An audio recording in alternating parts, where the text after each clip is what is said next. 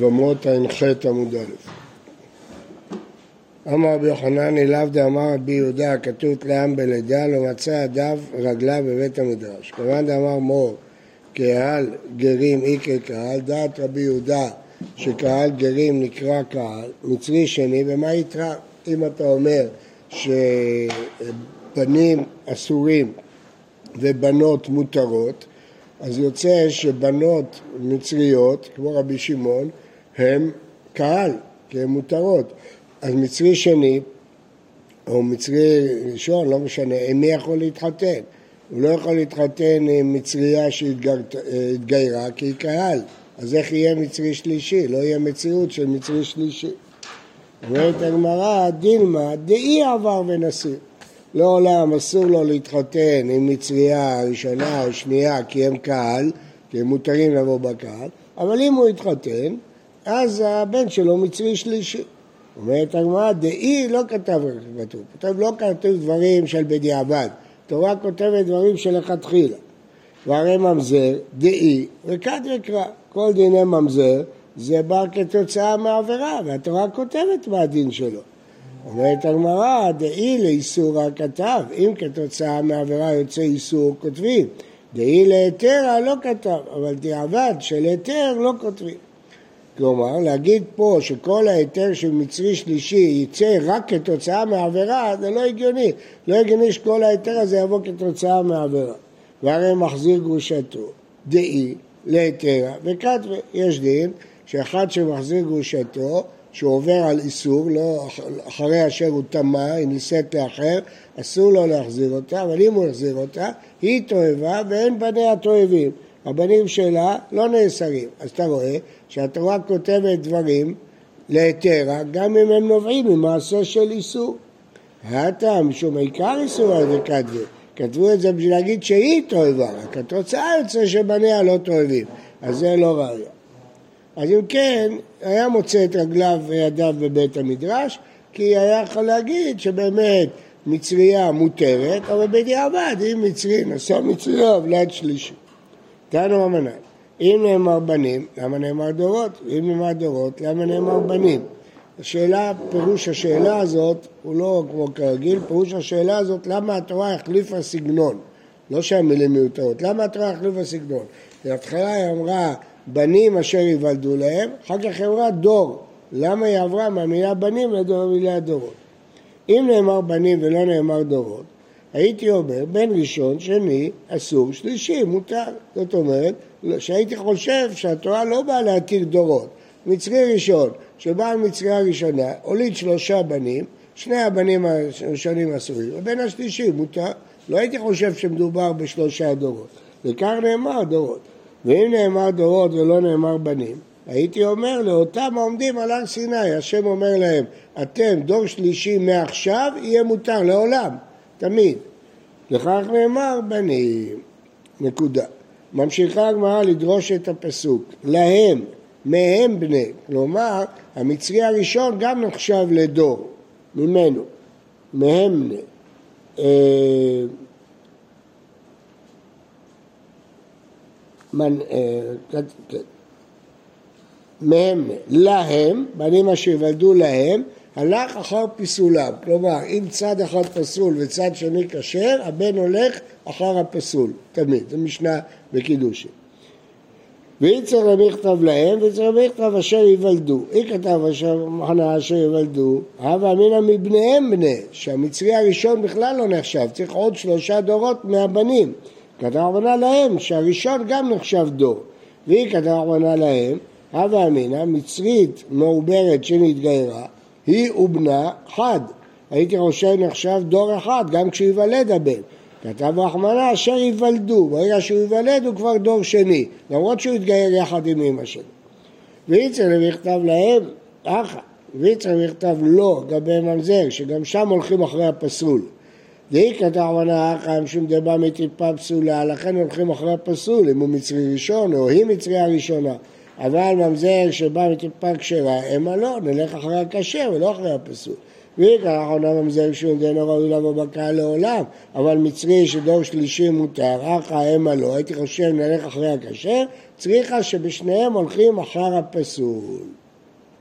אמר רבא בר חנא, אמר בר חנן, מצרי שני שנשא מצרית ראשונה, בנה שלישי, הולכים אחריו, לא אחריה, והבן כבר נחשב שלישי, שלישי אבא. עלמא כסבר, בתרדידי שדיאלי, שמונים את הדורות ממנו. מטיב רב יוסף ורבי טרפון, רבי טרפון, רבי טרפון יוסף, רבי טרפון אומר, יכולים ממזרים לתאר משנה בסוף קידושין. כיצד? ממזר שנשא שפחה, עוולת עבד, כי הוא הולך אחרי אימא שלו, אישה וילדיה תהיה לאדוניה. עוולת עבד, שחררו, נמצא בן חורין, והוא לא ממזר. עלמא, בתדידה שדין עליה, אתה לא הולך אחרי האבא ואומר שעוולת בן חורין, ממזר, אתה אומר שעוולת עבד. שהניאתא דאמר קרא אישה וילדיה תהיה לאדוניה. זה דין מיוחד שבן שפחה הוא מקבל את הדין שלה, הוא עבד. מטיב רבה, אמר רבי יהודה, מנימין, גר מצרי, היה לי חבר מתלמידי רבי עקיבא, ואמר, אני מצרי ראשון, ונסעתי מצרית ראשונה. עשי לבני, הבן שלי יהיה מצרי שני, עשי לו מצרית שנייה, כדי שיהיה בן בני שלישי וראוי לבוא בקהל. ואיסא קטר בת רדידי שדידה שמונים את הדורות ממנו, למה הוא חייב למצוא לו מצרית שנייה? אפילו ראשונה, גם אם הבן שלו יישא מצרית ראשונה, הבן יהיה שלישי, כי הולכים אחרי הדורות ממנו. אומרת, אבל נכון, תתקן את זה. אמר לרבי יוחנן, לטענת תני ראשונה, לזה ששנה את המשניות לפניו, תנא זה גם אחד מהתנאים וגם זה ששונה משניות, המורה ששונה משניות. אז זה ששונה משניות לפניו, אמר לו תתקן, טעית, אל תגיד מצרית שנייה, מצרית ראשונה. קריאת העובדים עם ארץ ישראל, אמר רבי יוחנן, מצרי שני, שנשא מצרית ראשונה, בנה שני אבל, לא שלישי. עלמא, בתר אימי שדין עליה. אז לא, לא, לא כמו שאמרנו קודם, אלא הולכים לפיה. אמר לאביי, אלא עד אמר ביוחנן, הפריש חטאת מעוברת. כשהוא הקדיש אותה, הייתה מעוברת. וילדה. רצה, מתכפר בה, רצה, מתכפר בוולדה. הוא הקדיש את שתיהם. היא אמרת בשלמה עובר לאו ילך עמהו, זה לא כמו עבר של האימא, זה שני גופים, אבל עקב מפריש שתי חטאות לאחריות. אז מה? אז הוא כאילו הפריש מראש שתי חטאות, ולכן הוא יכול להתכפר בה והוולד יראה עד שיסתיים, והוא יכול לכפר בוולד והיא תראה עד שתסתיים. למה? כי כאילו בשעת הפרשה הוא הפריש שתי חטאות לאחריות. אלא היא אמרת עובר ירך עמו הוא אבל לבלת חטאת, ולת חטאת למיתה אז לה. אם אתה אומר שהעובר הוא לא בריאה בפני עצמה, הוא חלק מהאימא, אז כשהיא ילדה אותו זה כמו חטאת שילדה, שהדין שלה שהוא הולך למיתה, זה אחת מחמש חטאות שמתות. השתיק, אז הוא שתק. למה? כי פה רואים שהולכים אחרי האימא. אמר ל... מה? מה אתה אומר? לא הולכים אחרי כן, לא הולכים אחרי האמא, ולד לאו יערך עמו, נכון. אמר לדילמה שני התם, נכתיב אשר יוולדו, הכתוב תלאו בלידה. כלומר, במצרי כתיב בנים אשר ייוולדו להם, אז זה תלוי באימא, בלידה, אבל בחטאת לא. מה התגובה שזה תלוי באימא?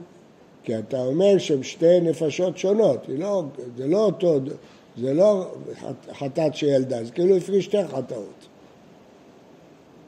כשחטאת, אז אתה רואה שהיא לא קשורה לאמא, העובר לא נחשב קשור לאמא, עכשיו עצמאי. אבל השאלה לא הייתה אם הוא... אתה צודק, אבל הגמרא משווה את זה, הגמרא משווה את שני הדברים. לא, לא נכון, נכון, אבל הגמרא, נכון, אבל הגמרא משווה את שני הדברים האלה, השאלה שלך נכונה.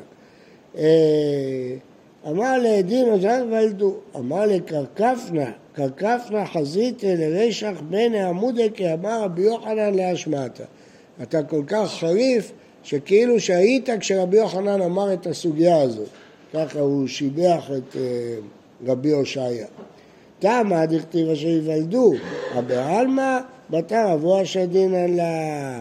בנוצרי, אז דווקא, עכשיו הגמרא שואלת, תמה דכתיב אשר יוולדו, רבי עלמא בתר אבו השדינן, זה הטעם של רבי יוחנן רק בגלל הביטוי אשר יוולדו? אלא עד אמר רבא, נוכרית מעוברת שנתגיירה, בנה אין צריך טבילה. למה? כי הוא הולך עם אמא שלו והיא טבלה, אז הוא לא צריך טבילה חדשה. מה אין צריך טבילה? אתה רואה שהוא נחשב עבר מהאימא שלו. אם הוא גוף בפני עצמו, אז היה צריך טבילה. וכי תמה משום דרבי יצחק, דאמר רבי יצחק, דבר תורה, רובו מקפיד עליו חוצץ, רובו שאין מקפיד עליו אינו חוצץ, כלומר, אולי באמת הוא גוף בפני עצמו, אבל הוא טבל, כשהאימא שלו טבלה, הוא גם טבל. אלא מה תאמר? שהבטן של אימא שלו חצצה? לא, זה לא מקפיד עליו. הוא רוצה לנהוג ממנה, אז הוא לא מקפיד, ולכן אינו חוצץ. אה, אמר רב כהנא לא שנו אלא רובו, אבל כולו חוצץ. אם כולו מקפיד, בטח שחוצץ. טוב, אני רק, כיוון שגמרנו את זה, נזכיר את הדין. מדאורייתא, רק רובו ומקפיד עליו. אבל מיעוטו, אפילו שמקפיד, ורובו, אף על פי שלא מקפיד, לא חוצץ. אבל רבנן גזרו, גזרו על רובו שאינו מקפיד משום רובו שמקפיד, ועל מיעוטו שמקפיד משום מיעוטו שלא מקפיד. לכן להלכה, אם הרוב יש חציצה, אפילו שלא מקפיד, ואם מיעוטו, אה, ואם מקפיד, אפילו מיעוטו. לכן, אם נשים מורחות לקה על הציפורניים והן רוצות לטבול, זה נקרא מיעוטו. אז אם הן מקפידות שלא יהיה מלוכלך, זה חוצץ. אבל אם הן לא מקפידות, הן ככה הולכות תמיד, אז זה לא חוצץ. אה, אבל כולו חוצץ, גם מדאורייתא, כל מה שאמרנו שלא חוצץ כשהוא לא מקפיד זה רובו, אבל כולו חוצץ. אומרת הגמרא, שאני עובר, דהיינו רביטה, זה אפילו כולו הוא לא חוצץ, זה חלק מהגידול שלו בתוך האימא, זה לא חציצה. ולכן הוא טבל, אז גם אם הוא גוף בפני עצמו, הוא טבל בעצמו, התינוק טבל, העובר טבל, כשהאימא טבלה. בסדר. אז יוצא שיש לנו שתי אה, סברות בדעת רבי יוחנן. סברה אחת, שהולכים אחרי האימא, סברה שנייה, שהולכים אחרי האבא.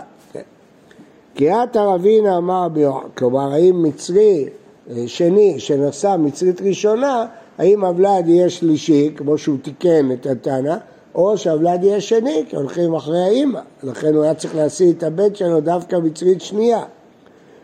קריאת הרבינה, אמר רבי יוחנן, קצת מוזר הגרסה הזאת, רבינה לא בא מארץ ישראל והוא לא יכול להגיד ממרות בשם רבי יוחנן. לעניות דעתי צריך לקרוא רבין. רבין הוא בא מארץ ישראל והוא אומר ממרות בשם רבי יוחנן. קריאת הרבין אמר רבי יוחנן, באומות הלך אחר הזכר, נתגיירו, הלך אחור פגום שבשניהם. באומות הלך אחר הזכר לעניין מה? כדתניא. מניין לאחד מן האומות, לא משבעת עממים, שבעל כנענית, שהיא אחד משבעת העמים, והוליד בן, האם מותר לקנות אותו לעבד או לא? הרי אחד משבעת העממים אסור, לא תחייג כל נשמה. אז הוא אומר כאן, כיוון שהאבא שלו מהאומות, אז הוא עבד. אז כל מה שיש לנו עבד כנעני זה רק כשאבא שלו אחד משאר האומות. אם האבא והאימא שלו כנענית, אסור לקיים אותו, לא יכול להיות עבד. ש... ש... מה? לא תחייב, וגם אם בני התושבים לא תקראו, יכול אפילו אחד כהנים שבא על אחת מהאומות הוליד בן, באמת מה שהולידו בעצמכם ולא מהגר בעצמכם, כלומר הולכים תמיד אחרי הזכה, אם האבא כנעני אסור לקנות את הבן בעבד, אבל אם האבא משאר האומות מותר לקנות למרות שהאימא כנענית, זה לפני שהתגיירו. נתגיירו, הלך אחר הפגום שבשניהם. במאי? הנה המצרי שנסע המונית, אז הולכים אחרי הפגום. מי זה הפגום? האבא, אז זה המצרי. אז הבן מצרי. לא יכול להיות, כי כתוב פגום שבשניהם, משמע שניהם פגומים, אתה הולך לפי הפגום שבשניהם. פה המוני ולא מוענית היא לא פגומה בכלל, היא כשרה, אז הולכים אחרי האימא שלה, אז הבן כשר. אלא בעמוני שנשא מצרית, ששניהם פגומים, העמוני פגום והמצרית פגומה. השאלה אם הבן הוא מצרי או עמוני, מהי נפקא מינה? אם הוא עמוני הוא אסור לעולם, אם הוא מצרי אחרי שלושה דורות הוא מותר. אי זכר אבה, שדיה בתר עמוני. אם זה בן זכר, אז הולך אחרי הפגום, אז הוא המוני ואסור לעולם. והנה נקבה אביה, שדיה בתר מצרית ותהיה מצרית שנייה. אבל, לא יודע, אז מה, למה זה אחר הפגום? כי אם היית הולך אחרי המוני, אז מה הייתה הבת? אם היית הולך אחרי הזכר, אז הבת הייתה המונית, המונית מותרת, המונים לא, לא, הולכים אחרי הפגום, קוראים לה מצרית, היא לא המונית. למרות שאחרי דור שלישי יהיה מותר, אבל עכשיו היא פגומה, אם היית הולך אחרי אבא, היא הייתה עכשיו מותרת. מצרי שנשא המונית, אז שניהם פגומים. לא, אם היא לא פגומה. מה זאת אומרת לא פגומה? מצרי שנשא המונית היא בכלל לא פגומה, היא כשרה, הולכים אחרי האימא, בטח. משנה, ממזרים ונתינים, אמרנו נתינים זה עבדי שלמה או הגבעונים שהתגיירו בשקר בימי יהושע, אסורים, ואיסורם איסור עולם, חד חייב, פה רבי שמעון לא חולק, גם רבי שמעון מסכים שפה גם הנקבות אסורות, אחד זכרים ואחד נקבות אסורות איסור עולם, לעולם הם לא מותרים. אמר יש לקיש, ממזרת לאחר עשרה דורות מותרת, אחרי עשרה דורות היא מותרת. מאיפה הוא לומד? יליף עשירי עשירי מעמוני ומואבי. מה להלן נקבות מותרות? אף כאן נקבות מותרות. כתוב, דור עשירי לא יבוא לו בקהל השם. אז יש גזירה שווה, עשירי עשירי, אז נקבה מותרת. מה להלן מיד, כאן מיד. אם למדת גזירה שווה, אז תגיד שמותר. כי אין גזירה שווה מעשירי ואילך. והנתנן, ממזרים ונתינים אסור שם אסור עולם, צריכים אחד נקבות, אז מה, יש לקיש נגד המשנה? לא קשיא, זה מחלוקת תנאים. הכיוון דאמר דון מיני ומינה, הכיוון דאמר דון מינה ואיכא בהתרא. כשלומדים גזירה שווה, אז יש שתי שיטות. יש מי שאומר, כשלומדים גזירה שווה, אתה לומד את הכל משם. למדת משם, תלמד את הכל משם. ויש אומרים לא, כשאתה לומד גזירה שווה, אתה לומד דין אחד משם, אתה מגיע למקום שלך, עכשיו אתה בשכונה שלך, אתה לפי הדינים שלך. אז אם אני לומד דון מינה ומינה, אז למדת מהמוני. המוני, אז נקבותיהם אה, מותרות. אבל אם אתה אומר דון מינה, תלמד מהמוני ותישאר במקום שלך, בממזר, אז גם נקבות אסורות. זה מסביר למה המשנה אומרת שאסורים איסור עולם, כי דון מינה והוא כבהתרא. תלמד את ממזרי, דור עשירי, מהמוני דור עשירי. איך זה מסתדר עם השלקיש? השלקיש הולך כמה דבר דון מינה והוא מינה. אז אם, אז זה שני תנאים. זה מחלוקת תנאים ידועה, דון מינה ומינה, דון מינה ומינה. השאלה איך גוזרים את הגזרה השווה. לפי יש לקיש, דון מינה ומינה, אתה אומר גזרה שווה לגמרי. אז למה לא? הוא לומד מהמוני. מה? לא, לא זאת השאלה למה לא מיד, זה כבר ענינו. השאלה היא, הרי הוא חולק על המשנה, המשנה אומרת שהנקבות אסורות, והוא אומר שהנקבות בדור עשירי מותרות. במשנה כתוב שהנקבות אסורות לעולם, ופה כתוב שדור עשירי מותרות. אז התשובה שהוא לומד דון מינה ומינה. אז כיוון שהוא למד את מצרי, את ממזר מהמוני, ובהמוני הנשים מותרות, אז מהגזרה שווה הוא למד שזה דור עשירי. אבל מהמינה הוא למד שהמוני ולא המוני. ומה תנא למד? דור מינה ואוקי בהתרא. תלמד שגם דור עשירי אסור, ממזר מהמוני, שגם דור עשירי אסור, אבל אל תתיר את הנקבות, הוא מינה, כמו מצרי. תלמד כמו מצרי, שמצרים נקבות אסורות לעולם. דון מינה ומינה. מה הפוך? כתוב דור עשירי, דור עשירי, זה לא כתוב מה, כתוב להשוות. אז מה אתה משווה? אז לפי הטענה, אתה משווה כמו אצל ממזר, כמו שממזר אין הבדל בין זכרים לנקבות, אתה משווה. אז מה זה דור עשירי? שאסור, שם דור עשירי איפה עשירי. לפי יש להקיש, אתה לומד דון מינה ומינה, אתה לומד הכל מאיפה שלמדת. למדת דור עשירי, כל הכבוד, דור עשירי. אבל שם נקבות מותרות, אז כל נקבות מותרות. מה? תנא של המשנה לומד דון מינה ואוכה בהתרא. אתה לומד דור העשירי, דור העשירי גזירה שווה, שדור העשירי אסור. מה? מה כתוב בפסוק? לא כתוב, דור, לא כתוב אה, לא לעולם. אבל כתוב שם דור העשירי. אצלנו. אה, זה לא מוסיף כלום, זה הידע. אין כתוב דור עשירי. גם כתוב. שם כתוב עד עולם, וזה כתוב דור עשירי. לא, הנה, מה עשירי שם עד עולם, אף עשירי כאן עד עולם. זה הגזירה השווה, כמו שאמרתי לך. שם כתוב עד עולם. אז אתה לומד בגזירה שווה שגם הייתי יכול לחשוב שדור העשירי, רק העשירי, אחר כך מותר. אתה לומד שעד עולם, מה הבעיה? לא מבין? הכל בסדר.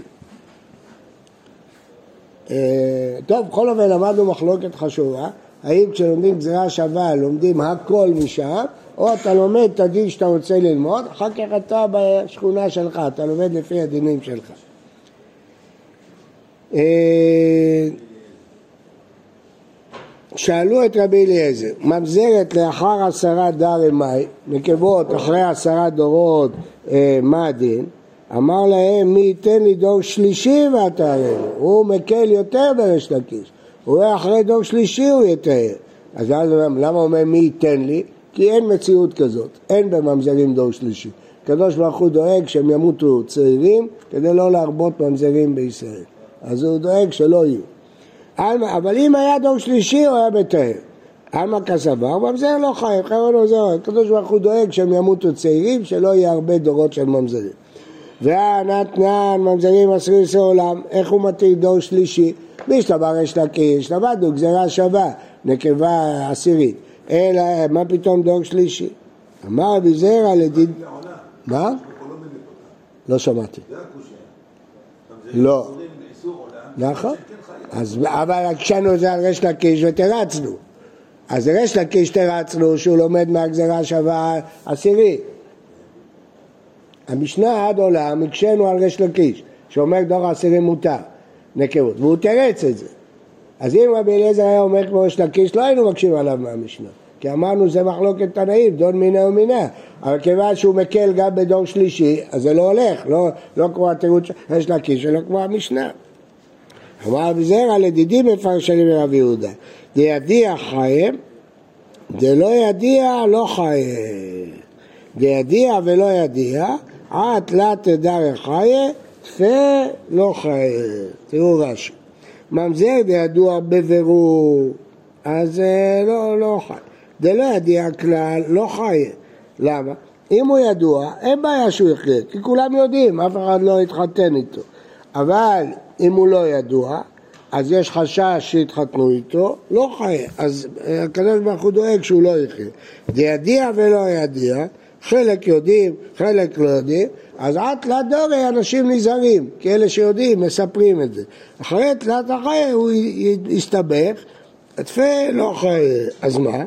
אז כיוון שלא חיה, אז אם מצאת דור שלישי הוא כבר טהור, כי אם הוא היה ממזר הוא לא היה חי, אז סימן שהוא לא ממזר. לא. מה? או שהוא ודאי ממזר. או שהוא ודאי, אז למה הוא מתאר? לא, זה היה ידוע. אז היו יודעים כולם. אז כנראה, אם לא יודעים, כנראה שהוא טהור. לא ידוע. זה חי, מה זה אומר? זה ידיע זה חי. אם אנחנו יודעים שהוא ממזר, ככה רק פרק. אם יש מישהו שאתה לא יודע שהוא מזרח, הוא לא לא יכול לכונן לדור שלישי. אם אתה ואם אתה יודע שהוא ממזר? טוב, בכל אופן, תראה בתוספות, התוספות תפרש מי ייתן דור שלישי, תראה תוספות. סתם הבאי מיניה, והשיב להם כן, ואם היה בידוע, היה משיב להם דמותרת. כלומר, באמת הוא אומר להם אין מציאות כזאת, אבל אם היה מציאות כזאת הייתי מתיר, למה? סבירה לכמו ריש לקיש, דון מינה ומינה. ולא רצה לברר להם תשובתו, שכן דרכו לדחות עצמו מן השואלים. אז למה, לא, זה הוא לא סובר, דור העשירי. הוא לומד גזירה שווה, אבל אם, עשירי עשירי, אז הוא לומד גזירה שווה ממזר מעמוני, שהנקבות מותרות מיד. אז הקושייה... אני לא צריך שלישי בכלל. הקושייה, מה שהקשנו בהתחלה מהמשנה, זה בכלל לא- זה כן. לא על הפסק דין. כן. זה רק על מה שכמו שאמר, כן. רק בגלל שהם לא חי, חיים. כן, אבל לפי, זה דחוק בגמרא, זה לא פשט הגמרא. לא, לפי התירוץ צריך אני לומר. אומר, לפי חיים. אלא אם כן נגיד שהוא דיבר, אלא אם כן נגיד שהוא דיבר על ידוע, על אה, לא ידוע. שהוא אומר בעצם המשנה דיברה רק על... לא, כן, והוא מדבר על לא ידוע, זה גם אפשרות. למה דור שלישי לא יודע? לא דווקא דור שלישי. הוא אומר הלוואי ותמצא דור שלישי, אבל אני מתאר. הוא דיבר רק על ספק. אז לכן זה דחוק, התוספות הוא דחוק בגמרא, זה לא פשט הגמרא. אבל זה מה שאומר תוספות. זה ב- אתה צודק שלא לפי תוספות יש קושי בגמרא, אבל פשט של תוספות הוא קצת דחוק בגמרא. ההוא דאבה ושיבותא דרבי עמי, אחיז עלי דממזר אהבה. בכי ואזיל, דממזר, אבא בכי ואזיל, הלך בוכה שהוא אסור בקהל.